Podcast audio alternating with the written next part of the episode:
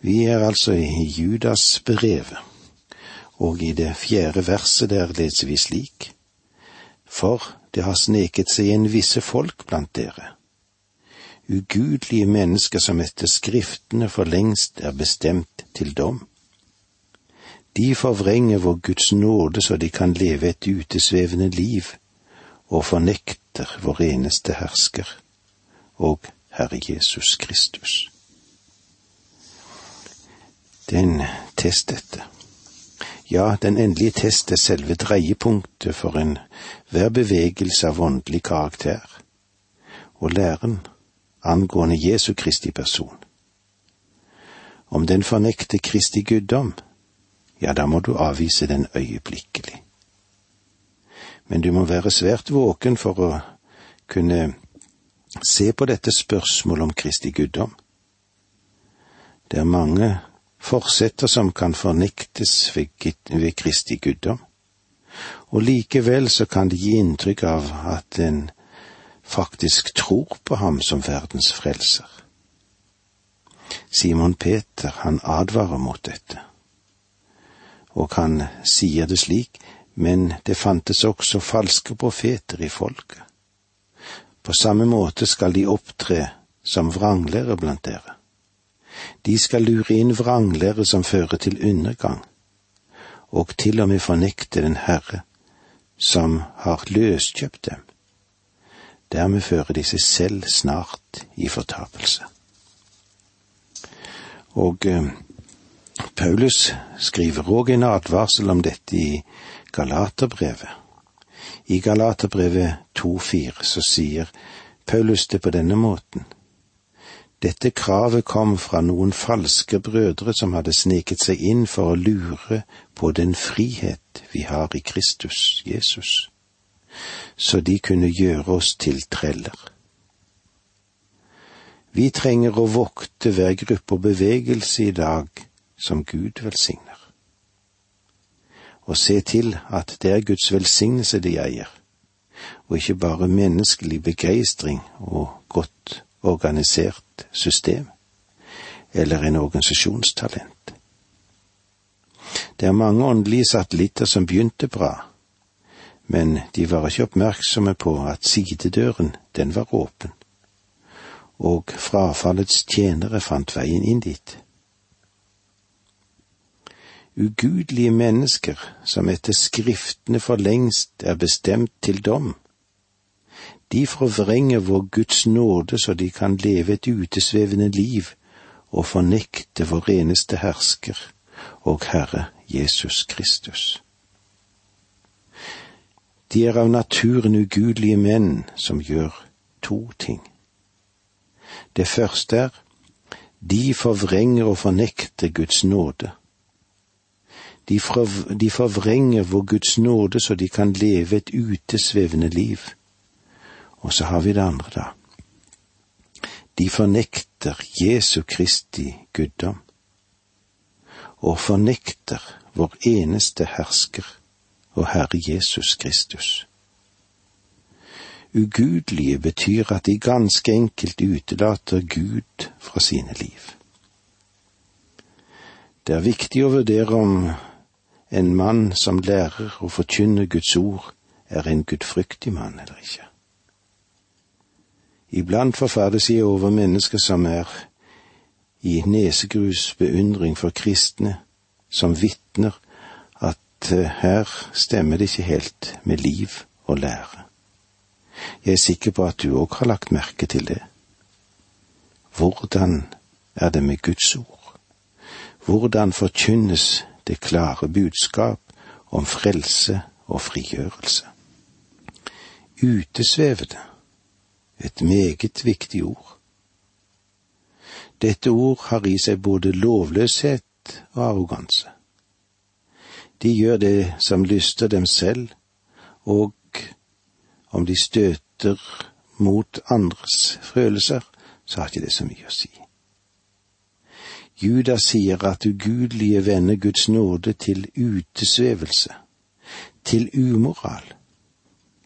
Paulus han advarte de troende i Galatia, og faren som det var å vende Guds nåde om til tøyleløshet. Det å tillate dem å leve slik de selv lystet. Dere er kalt til frihet, brødre. La bare ikke friheten bli et påskudd for den syndige natur, men tjen hverandre i kjærlighet, som det står i Galaterbrevet 5.13. Grov umoral karakteriserer frafall i vår tid. De har kastet over bord alle de sterke forskriftene i Guds ord angående moral, og de kaller det en ny moral. Det er en voksende fare dette i vårt eget land innenfor både kirker og organisasjoner og samfunnsliv. Faktisk så begynner det å godkjenne grov umoral. En forfatter har skrevet at et av problemene med verden er at folket forveksler sex med kjærlighet, penger med vett og eh, transistorradioer med sivilisasjon. En spaltist som har navnet Valak Petty, han har formulert det moderne liv med seks trosartikler. Gud er et produkt av ønsketenkning. Religion er en mekanisme for å flykte fra virkeligheten. Mennesket er en herliggjort gorilla som stiller for mange spørsmål, og fortrenger mange begjær. Moral er et spørsmål om smak. Kjærlighet er kunst, og livet er en rangel. Det er en våken kommentar, dette men eh, det er ikke noe å bli glad over dette. Det utesvevende livet markeres ikke bare av tøyleløshet og lystbegjær, men det preges også av arrogant omgang med sannheten. Det er også en bevisst omgang med det onde. Ekteskapet, hvordan er det med det, da? Ekteskapet blir uforpliktende og ansatt for å være uvesentlig. Du kan leve stort sett med den du ønsker å leve sammen med i total likegyldighet overfor den moral som bygger hjemmene og dermed bygger nasjonen og et folk. En journalist skrev det på denne måten om den situasjonen som er innenfor vårt eget forsvar, og sa det slik. Moralsk forfall begynner å bli et akutt nasjonalt problem. Ja, moralsk forfall begynner å bli et akutt nasjonalt problem. Det er et presserende behov å forbedre det moralske lederskapet blant unge. La oss følge nøye med dersom de beveger seg, og la oss følge nøye med de som underviser, enten det nå er på våre skoler eller høyskoler. Ja, kan det være noe òg som vi må være på vakt for innen våre kirker og på universitetene. Hva har de så å si om moral? Judas advarer oss så vi ikke skal vakle på dette området. Vi skal være på vakt mot det. Det andre som karakteriserer en vranglære, en frafallen, er at han fornekter vår eneste hersker og Herre Jesus Kristus. Han vil tale om Gud, om Jesus, men han fornekter hvem og hva han egentlig er. På Judas sin tid, da var kjetteriet kjent. Gnostikere, de lærte at legemet var rundt, all materie var rundt, at ånden alene var god og den konklusjonen de trakk av dette var at de ikke brydde seg om hva et menneske gjorde med sitt legeme. Han eller hun var fri til å tilfredsstille legemets lyster. En var fri til å praktisere klar umoral, skamløs synd, og bryte alle de tabogrenser som en måtte være interessert i å bryte. Det var en pervers forståelse av nåde, dette. Kanskje de samme ideene har dukket opp igjen i dag. Tenk igjennom dette til vi møtes igjen neste gang. Det var så langt vi kom. Må Gud være med deg. Dette undervisningsprogrammet består av to deler. Åge Nevland fortsetter nå med andre del av dagens undervisning. Vi er kommet til brevet som Judas har skrevet til oss, og vi er i det fjerde verset. Og her har vi stoppet litt opp for dette som er så viktig for oss alle sammen, frafallet vil komme. I det fjerde verset leser vi slik, for det har sneket seg inn visse folk blant dere, ugudelige mennesker som etter Skriftene for lengst er bestemt til dom. De forvrenger vår Guds nåde så de kan leve et utesvevende liv og fornekter vår eneste hersker og Herre, Jesus Kristus. Altså det vi har vært vitne til, er at den nye moralen ikke er nyere enn det som vi finner i den gamle gnosistismen, altså det første kjetteriet. Den andre siden av dette gjaldt en fornektelse av den Herre Jesus Kristus som sann Gud og sant menneske. Det er også et tegn på antikristen, dette. Johannes han kaller disse menneskene for antikrister i sitt brev. Og det er alltid antikristens ånd som fornekter at Jesus er Herre og Mester. Vi har brukt en del tid på dette verset som det fjerde verset, fordi de sakene som er med, de er så veldig viktige. De inneholder så mye viktighet for oss som lever i dag. Det vantro Israel, de ble ødelagt i ørkenen.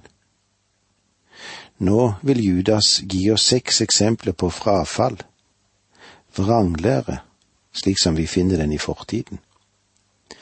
Før vi går inn i dette, denne delen da, så vil vi òg se på hva frafall i betydning vranglære er. Det greske ordet abstemi, å fjerne, å trekke tilbake og gå bort og bli borte. Når ordet blir brukt i Antessalonikerbrev, er det etter det som jeg forstår da, en tosidig eller tofoldig betydning. Det betyr å ta bort eller fjerne menigheten, kirken. Fordi Paulus i sitt første brev til Tessalonika talte om menighetens bortrykkelse. Bortrykkelsen må komme først. Menighetens abstemi det å bli borte, det å fjerne menigheten. At de troende tas bort fra jorden vil føre til totalt frafall. Det vil si det å bli borte fra troen. Den Herre Jesus stilte spørsmålet. Men når menneskesønnen kommer til jorden, altså, vil han da finne troen på jorden, slik som det står i Lukas 18, 8? Måten dette spørsmålet er formet på på gresk krever et negativt svar. Derfor er svaret negativt, det er nei. Han vil ikke finne troen på jorden når han vender tilbake. Det vil bli totalt fravær. Det vil være et totalt frafall. Men det kan ikke skje før de sanne troende er tatt bort og selvfølgelig, dette kan jo skje i hvert øyeblikk. Judas vil nå formidle til oss seks eksempler på frafall i fortiden, det vil si frafallet fra troen. Disse seks eksempler omfatter tre grupper og deretter tre enkeltmennesker. Først er det de tre gruppene, da. Vi leser det femte verset. Da er det noe jeg vil minne dere om, enda dere allerede vet alt dette. Herren reddet folk ut av Egypt, men senere utryddet han dem som ikke ville tro. I ørkenen ble det vantro Israel ødelagt, og det er et eksempel på at Gud dømmer frafallene. Da Israel kom til Kadesh Barnea, nektet de å gå inn i løftets land. Men nå hadde speiderne deres kommet tilbake med en rapport til Kadesh Barnea at alt det Gud hadde sagt om landet, det var sant, det var fakta. Men eh, disse speiderne, med unntak av to, trodde ikke at Gud kunne føre dem inn i landet. Og så overtalte de folket til å tro det. Til å begynne med ville de ikke tro at det var et godt land.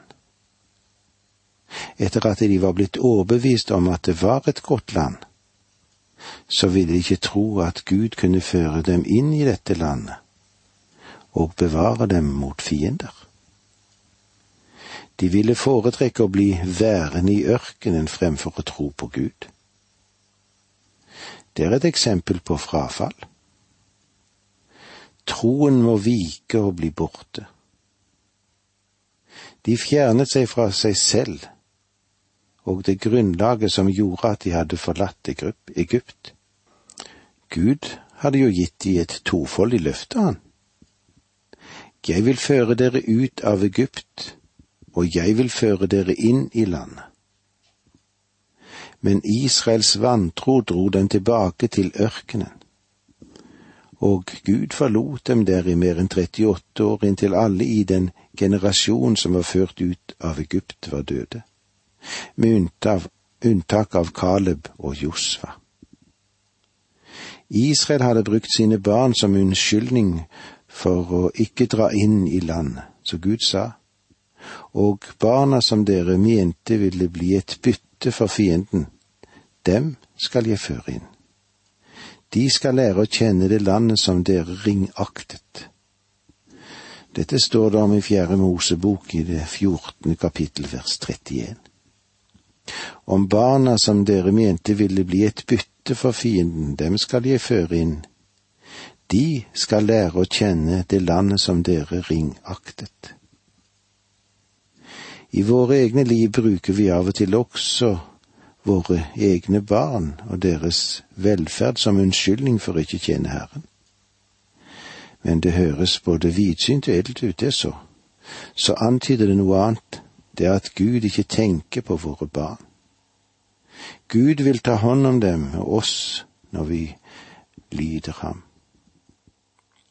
Den nye generasjonen i Israel krysset Jordanelven og dro inn i løftets landet de, slik som Gud hadde lovet men den generasjon som hadde veket av, som hadde fjernet seg fra troen, ble ødelagt i ørkenen. Og eh, dette er det første eksempelet som Judas peker på her for oss. Idet vi går inn i det sjette verset, vil vi se engler i opprør holdes i lenker. Vers seks. Og de engler som ikke tok vare på sitt høye verv, men forlot sin egen bolig. Dem holder han bundet i mørket med evige lenker til dommen på den store dag. Dette åpner en sannhet for oss som vi ikke møter noe annet sted i Guds ord, slik som det iallfall legges klart for oss her. Selv om vi blir gjort oppmerksom på at det vil komme en dom over regnene. En eller annen gang i fortiden tok de ikke vare på sitt høye verv. Gud skapte engler med en fri vilje. Men engler formerer seg ikke som menneskelige skapninger gjør. Derfor arver de ikke den syndige natur som menneskene gjør. Hver engel ble skapt av Gud med en fri vilje. Noen av disse åndelige skapningene ble fanget inn i et opprør, og nå holdes de i lenker. Men det er åpenbart slik at de falne engler er delt inn i to grupper.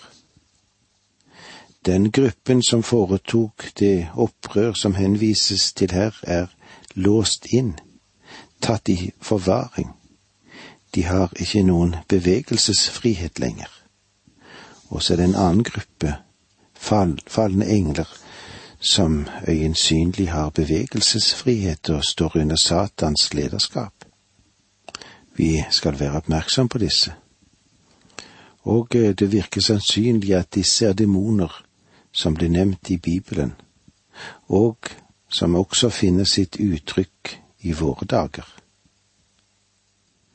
I mange år har liberaler innenfor vår kirke og menigheter fornektet dette. De har fornektet det overnaturlige, og de har benektet at slike skapninger er ikke noen engler. Vi lever i en materialistisk tid, og synspunktet var at Gud og ideen om engler var røster av overtro og som vi ikke lenger trengte. Det var en som het Huxley som sa at å tro på Gud er som et smil som forsvinner. Det blir borte i den vitenskapelige tidsalder. Ja, tro det. Men i den senere tid har det blitt en ny interesse for det som er overnaturlig.